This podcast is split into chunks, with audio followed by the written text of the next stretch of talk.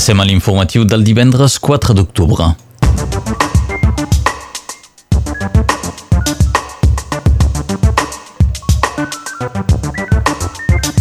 Començarem aquest informatiu fent un punt sobre l'avançament de les investigacions dels crims de Sayagusa i d'Estagell. La manca de reconeixement i de visibilitat de les dones en el món de la ciència serà un tema de conversa avui al Soler en el marc de la Festa de la Ciència. Nos ho explicarà la Núria Salan Ballesteros, presidenta de la Societat Catalana de Tecnologia. El govern espanyol va intervenir al Senat francès per contrarrestar el suport que es va donar a Catalunya per part dels senadors i diputats a favor del dret i llibertats fonamentals a Catalunya.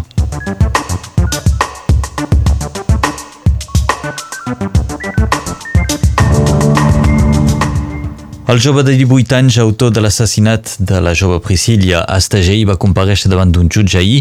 El procurador de la República va confirmar que el detingut va confessar ser l'autor de l'assassinat sense poder arribar a explicar els motius del seu gest. El jove ha estat posat en examen per homicidi, agressió sexual i violació sota, sobre persona vulnerable i sota l'amenaça d'una arma. L'agressor és actualment en presó provisional a l'espera de ser sotmès a uns exàmens psiquiàtrics i psicològics. I a Sayagosa s'ha confirmat la pista de l'infanticidi seguit d'un suïcidi en l'afer de la mort d'un pare i la seva filla de 8 anys. Tots dos han mort asfixiats per haver respirat monòxid de carboni que provenia d'un radiador. El procurador de la República també parla d'un intent d'infanticidi sobre el germà bessó de la nina. Els mainatges, el mainatge perdó, va ser retrobat viu però en estat de xoc i segueix hospitalitzat a Montpellier.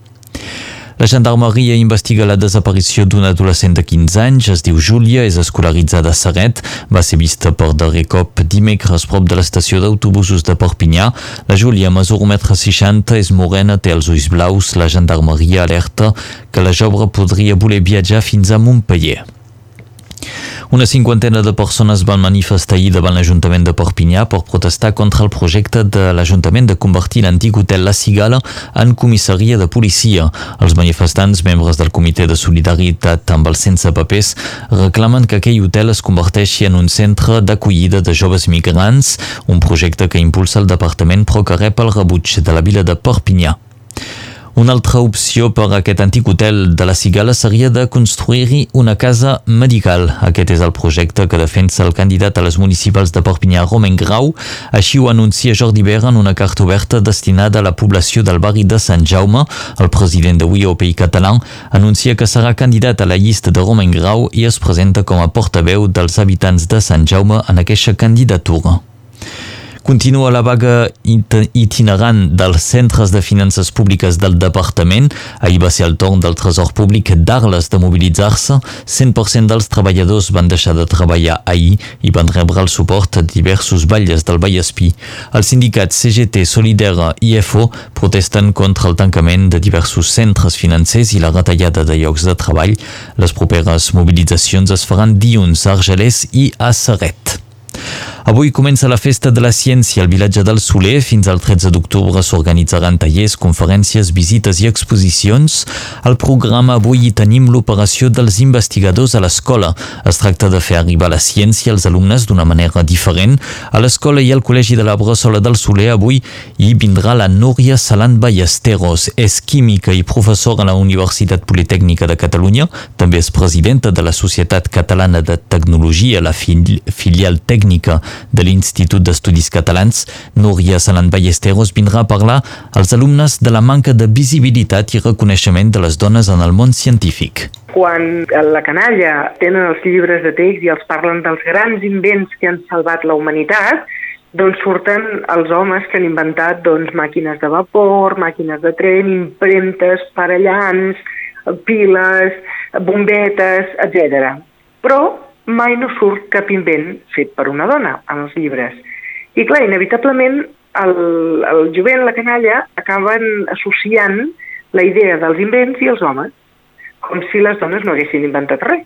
I clar, això no és, primer que no és veritat, i segona que ens genera un precedent perillós i és aquesta distància que es crea entre les nenes i la tecnologia. En ciència sí que tenim referents molt, molt interessants, no gaires, eh?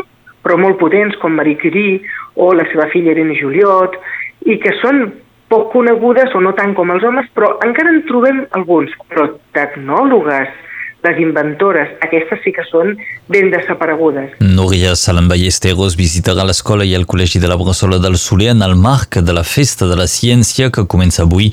Més informació a la web lesoler.com. I d'altra banda, el Consell Municipal del Soler acaba de declarar l'estat d'urgència climàtica. Amb aquesta mesura, el vilatge es compromet a informar regularment els habitants de les mesures que es poden prendre per prevenir el canvi climàtic i per protegir el medi ambient. També servirà per demanar al govern francès de desbloquejar finançament necessari per poder tirar endavant les infraestructures eh, importants per a la transició cap a un eh, funcionament més sostenible. La moció aposta per crear un Consell local pel clima que treballarà per fer avançar aquestes qüestions. A l'estat francès, 52 diputats i 41 senadors van signar dos manifests a favor dels drets i llibertats fonamentals a Catalunya, un gest que no ha agradat gens al govern espanyol. El passat 19 de setembre, Irene Lozano, secretària d'Estat encarregada de la promoció d'Espanya a l'exterior, va compareixer al Senat francès. Durant la seva intervenció va presentar l'independentisme català com un moviment egoista i d'extrema dreta que impulsa campanyes de desinformació. Una desinformació que, segons la secretària d'Estat espanyola hauria enganyat els senadors i diputats francesos que van donar suport a Catalunya. Però la jugada del govern espanyol no els hi va sortir bé. El senador socialista del departament del Gar, Simon Sutur, va respondre criticant la manca de democràcia a l'estat espanyol, va posar en dubte la independència de la justícia espanyola i va criticar també el pes que té el govern espanyol sobre el judici dels, uh, que, que està fent actualment els líders independentistes catalans.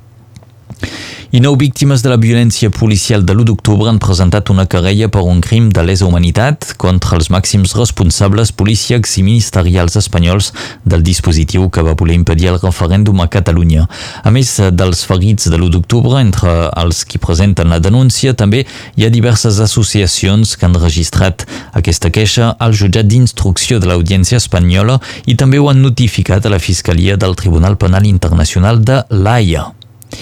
L'Advocacia General de l'Estat espanyol exigeix al govern valencià que es comuniqui en castellà quan s'adreça oficialment als governs català i balear. La qüestió haurà de passar davant del Tribunal Suprem espanyol. Fins ara els governs català, valencià i balear sempre s'han relacionat amb normalitat, sense necessitat de cap traducció perquè utilitzen la mateixa llengua comuna, però segons l'advocacia espanyola, la Generalitat Valenciana s'ha de comunicar en castellà amb els governs català i balear perquè el valencià només és oficial a la comunitat comunitat valenciana, mentre que Catalunya i les Balears és el català qui és oficial. La Generalitat Valenciana ha respost a l'advocacia de l'Estat que no té sentit comunicar en castellà amb les administracions catalanes i balear, ja que comparteixen una llengua comuna. Als esports, ahir es va fer el sorteig de la cinquena volta de la Copa de França de futbol. Sant Esteve afrontarà Béziers, un equip que juga tres divisions per damunt dels del Riberal. Dos equips que s'afronten també als tribunals. Sant Esteve ha denunciat l'equip reserva de Béziers per un afer de llicències fraudulents. Així doncs, la tensió podria ser forta sobre el terreny de joc. El sorteig també va afrontar Canet a Castanet i el Futbol Club Albert Argelès a Castres.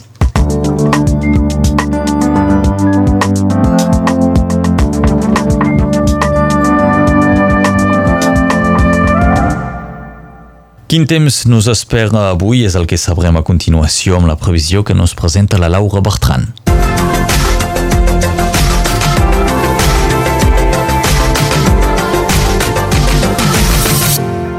Avui continua la mateixa tendència que ahir. Al llarg de tot aquest divendres serà una alternança de sol i núvols a Catalunya Nord. Això sí, podria ploure una mica a la Fenolleda cap al migdia i al Capcí a finals de tarda. El vent és fluix i de direcció variable en general. Destaquem la tramuntana que bufarà fins als 50 km per hora en ràfaga a la vall de l'Aglí. Pel que fa de les temperatures, si les mínimes són semblants, excepte a muntanya on són més altes, en relació amb les d'ahir, les màximes d'elles seran en lleuger augment en general. Els valors arribaran avui fins als 27 graus a Serret i a Arles, 26 a Salses i a Vives, 25 a Canet, Tui i Prada, 24 graus a Alanyà, 23 a Colliure, 22 tant a Prats de Molló com a Estabar, 21 graus a Fontpedrosa i Bolquera, 20 del banc de Musset i a la Cabanassa, 18 graus als Angles i 17 de màxima a Formiguera.